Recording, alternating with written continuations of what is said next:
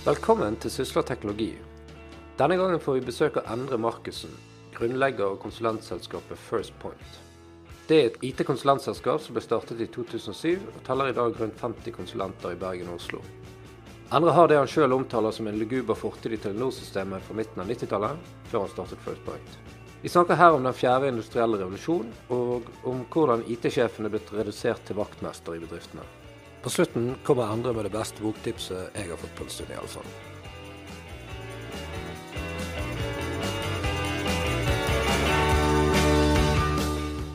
Endre Markussen, velkommen. Takk for det. Du startet opp som IT-konsulent på 90-tallet. Hva er den største endringen siden da? Egentlig så er jo overraskende mye likt. Men uh, samtidig så er de største endringene for uh, den delen av bransjen som uh, jeg har vært i, har vel egentlig kommet de siste to til tre årene. Vi ser at det har blitt mer fokus på I-en i informasjonsteknologi enn T-en. Så folk er mer opptatt av informasjonen og mindre opptatt av teknologien, rett og slett. For deg som IT-konsulent, hvis du tenker på sånn på tidlig 2000-tallet, hva var et typisk oppdrag da? Nei, typisk oppdrag for oss, eh, der var IT-avdelingen eh, oppdragsgiveren vår. Mm. Og eh, det handlet stort sett om eh, teknologien som eh, lå på bakrommet. Langt nede i kjelleren. Og var å installere en server, sette opp noen nettverkskomponenter. Ting som egentlig eh, brukeren ikke visste noe om eller eh, merket noe til. Og Hvem snakket dere med da i bedriftene? Nei, Det var alltid IT-avdelingen. og IT-ansvarlig, driftsansvarlig, den type ting. Og Hvordan ser dette ut i dag? Hva er, hva er typisk oppdrag? Nei, I dag så har vi jo merket Fremdeles så har vi uh, masse oppdrag fra IT-avdelingen. Men uh, vi merker jo at det skjer en, uh, det skjer en overgang fra IT-avdeling til forretningssiden. Sånn at en mye større del av IT-prosjektene er initiert fra forretningssiden i dag. Kundene deres, hvor, hvilke bransjer er de hovedsakelig? Nei, det er, litt, eh, det er, jo litt, interessant. Som en tradisjonell eh, IT-leverandør så har jo vi betjent alle bransjer. Og det er først de senere årene det har gått opp for oss at IT-avdelingen er egentlig en bransje i seg sjøl. Men det, det, det, har vi ikke tenkt på før. Men fakta er at IT-avdelingen ute i de store bedriftene har egentlig vært i vår bransje. I IT-bransjen. Mm. Ikke, i, ikke i den bransjen som uh, Eh, bedriften deres tilhører.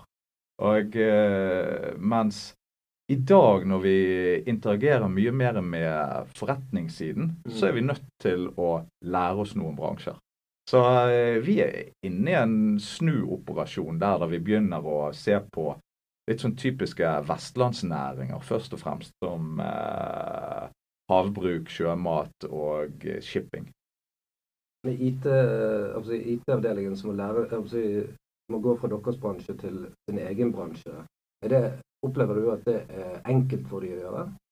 Det er absolutt ikke enkelt for dem. Og eh, vi har sett det eh, spesielt kanskje siste året, at eh, det, er, det er ganske dramatisk for enkelte IT-sjefer og enkelte IT-avdelinger, det, det som skjer. Hva har det gjort med deres rolle, da? Eh, altså, Hvordan er konsulentrollen generelt og for dere spesielt nå kontra når dere startet opp for en del år siden? Den har endret seg veldig. I, I, dag så ser vi at vi har eh, to typer konsulenter. Vi har de som er som kan denne bransjen som både vi og IT-avdelingene er i, nemlig teknologi- og informasjonsteknologibransjen og som fremdeles har den samme rollen som de hadde for 15 år siden. Men så har vi en helt ny type konsulenter, som er de som eh, forstår forretning og forretningsprosesser, og som ikke er fullt så nerdete interessert i teknologien, men er mer interessert i det som teknologien kan gjøre for forretningen. Den første delen, bare for liksom å konkretisere den. Mener du den teknologien som er knyttet til, um, til ledninger og maskiner og den fysiske delen av IT? Ja, egentlig så, så er det jo sånn at uh, når, uh, når, jeg startet ut i bransjen i, på 90-tallet, så, så var jo den verden ganske enkel. Det var uh, Vi hadde hatt PC-revolusjon i seks, syv, åtte år. Og vi Ting ble koblet sammen i enkle nettverk med enkle servere. Og eh, det var vår eh, oppgave. Veldig mye knyttet til maskinvare. Og så ble det jo mer og mer maskinvare. Og uh, dette var også IT-avdelingens fokus. Men, men, den gang så gjorde jo egentlig IT-avdelingen og vår type leverandører noe for forretningen. Fordi at vi koblet de på internett, lot de sende e-poster til andre bedrifter istedenfor å sende fakser eller brev. Det var egentlig, hadde innvirkning på forretningen. Men så, det som skjedde utover på de første ti årene på 2000-tallet, det var jo at uh, IT-avdelingen og vår bransje fortsatte med å gjøre det samme. Men det hadde jo ikke noe effekt for forretningen lenger. Det, det, var liksom om vi oppgraderer mailserveren fra én versjon til en annen, så kan du fremdeles bare sende og motta mail med den. Det var en ting vi jeg eh, observerte i vår egen bransje, altså mediebransjen, avisbransjen. Det var jo at du sier, det virker, i hvert fall Sett utenfra så virker det jo som at IT-avdelingen i 1999 og i 2009 var ganske lik. Men alt dette som hadde kommet på weben og det digitale, det hadde da kommet i andre avdelinger. Og ja. Eh, det på en måte skjedde i en parallell virkelighet. Ja, det stemmer. Eh, jeg vil, jeg vil påstå at eh, IT-avdelingen i 99 og i 2009, og faktisk i en del store virksomheter også fremdeles, er ganske identisk. Så det, det har ikke skjedd så, så, veldig store forandringer. De har fått mer å gjøre, de har fått flere ansatte, men de er blitt en slags vaktmestere som forvalter eh, noe infrastruktur nede i kjelleren, og ikke bruker veldig mye tid på forretningslogikk og eh, det som utvikler businessen. Så har vel også mange av de kjerneoppgavene også flyttet seg sånn type til Skien og sånn? Ja, man er, man er jo i, i, ferd med å gjøre det, og det skjer på to uh, måter. Det skjer uh, kontrollert i form av at man flytter uh, forretningssystemer ut i skyen. Og så skjer det ukontrollert i form av at man flytter samhandling i mindre team ut i skyen. Folk tar i bruk Dropbox, tar i bruk Slack, tar i bruk den type programvare. Og plutselig så er masse av bedriftens uh, dokumenter utesteder som IT-avdelingen ikke engang aner at det er i bruk. Men dette med Enterprise Software, som uh, tidligere var liksom store anskaffelser og lange prosesser, så kommer disse sånn som Slack med et uh, slags chatteprogram som veldig mange, spesielt tekniske bedrifter, tar i bruk nå. Så begynner de å ligne mer og mer på, på konsumentsoftware, uh, som er ofte veldig mye mer brukervennlig, sånn som Apple og sånn. Er dette noe dere ser også inn i de mer tyngre datasystemene, ERP-systemer og sånt? Absolutt. Absolutt. Det er jo eh, eh, Egentlig så er det jo mange i, eh, mange i bransjen av de litt mer visjonære som begynte å prate eh, om dette for eh, fem, seks, syv år siden. Sa at ERP er dødt, og at den type mastodontisk programvare ikke har noe plass i, i fremtidens IT-løsninger. Og eh, det ser vi jo i større og større grad i dag, der man opererer med åpne standarder for integrasjon, sånn at man heller kan kjøpe det vi kaller på godt norsk best of breed-programvare, eh, som består av gjerne mange forskjellige leverandører som leverer sitt program inn til en spesifikk oppgave i bedriften, og så integrerer man heller på baksiden. Med ERP har du en eh, kjapp definisjon på det? Ja, altså det, det, står jo for noe så fint som, uh, som uh, Enterprise Resource Planning, men det det i praksis veldig ofte er ute i bedrifter, det er jo at økonomiavdelingen sitter i førersetet for å innføre en programvare som skal støtte opp under eh, veldig mange av de viktige prosessene. F.eks. logistikk og webhandel og andre viktige forretningsprosesser. Det er i hvert fall brukervennlighet er veldig sjelden det viktigste som alle som har fulgt ut av reiseregning, sikkert kan skrive under på. Det blir veldig ofte til at uh, det er fokus på den funksjonaliteten som økonomiavdelingen ønsker. Jeg tenker på å løfte dette litt opp i skyen og så ta det ned igjen etterpå. Så Mange sier at vi nå er inne i en fjerde industrielle revolusjon. Og bare sånn kjapt så kan jeg si at Den første industrielle revolusjonen var dampmaskinen på slutten av 1700-tallet. Den andre var elektrisitet, standardisering, telegraf, telefoni og den påfølgende oljealderen. Dette startet på slutten av 1800-tallet. Den tredje er rundt 1970, der eh, elektronisk databehandling kommer i bruk på industriell skala, spesielt utløst av eh, eller Intel sin chip. Og denne fjerde, da, eller Industri 4.0, som selvsagt noen måtte finne på å kalle det, så kan vi si at det handler om digitalisering av produkter og tjenester. Og det, og det å knytte alt sammen å skape helt nye ting. Dette er jo veldig vidløftig, men merker dere dette i det daglige med kundene deres? Det vi, eh, det vi merker, for det første så er jo eh, jo alltid kjekt. Det er sikkert veldig mange som har kjent seg rik på å snakke om den fjerde industrielle revolusjonen. Enda flere som kommer til å, å kjenne seg rik på det. Men vi ser jo på det mye mer som en uh, evolusjonsprosess som har uh, pågått en stund, enn en revolusjon. Og som jeg sa innledningsvis, så er det vi ser i dag, er jo at fokuset er mer på I-en i informasjonsteknologi enn på T-en. Og uh, jeg tror denne hvis vi skal kalle det for en revolusjon, så, så, tror jeg at det det dreier seg om, det er rett og slett at ikke at man finner på så veldig mange nye duppedingser og uh, teknologiske innovasjoner, men man finner på nye måter å nyttiggjøre seg den informasjonen som er der. Og man finner på nye måter å sy den i sammen, og man bygger nye forretningsmodeller rundt det. Har du, har du noen konkrete eksempel på det? Hvis vi skal snakke om de to eh, bransjene som vi har hatt fokus på i det siste, som er eh, sjømat og shipping, så ser vi jo der i dag at eh, det er ganske store initiativer i veldig mange av selskapene for å nyttiggjøre data de allerede har.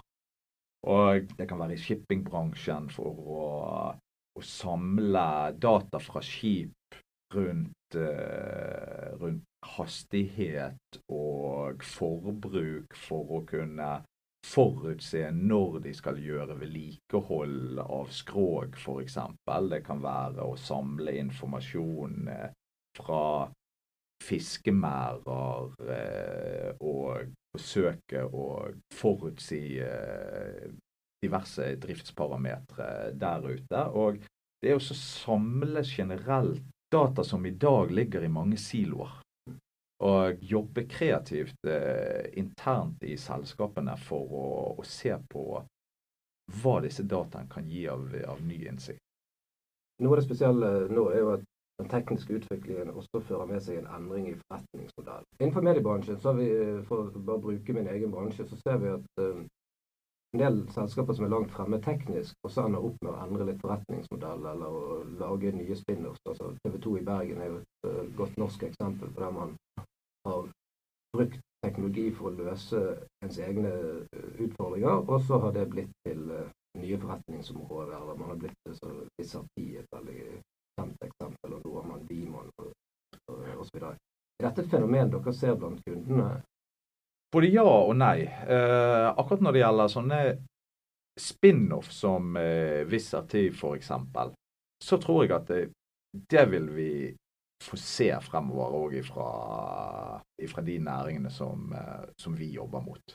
For uh, ofte, så er, ofte, så er, det jo sånn at uh, når næringen møter konkurranse, så ønsker de å effektivisere prosessene sine. De ønsker å øke produktivitet, de ønsker å ta bedre beslutninger, de ønsker å redusere kostnader. Og i, dag så bruker man jo veldig ofte teknologi til det. Man bruker eh, En av de seneste trendene er jo eh, såkalt robotisering.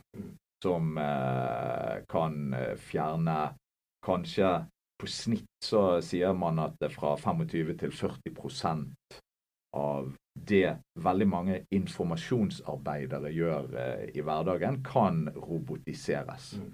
Og eh, så for, for, for, forretningen som innfører den type teknologi og så effektiviserer prosessen, så forandrer gjerne ikke forretningsmodellen seg. Men det kommer, det, det kommer et eller annet teknologiselskap ut av det. Man bruker masse penger sånn at det, oppstår en eller annen nisjeaktør som er veldig flink på, på, noe, og som dermed kan gå ut i verden med sin, eh, med sin eh, nyoppfunne forretning.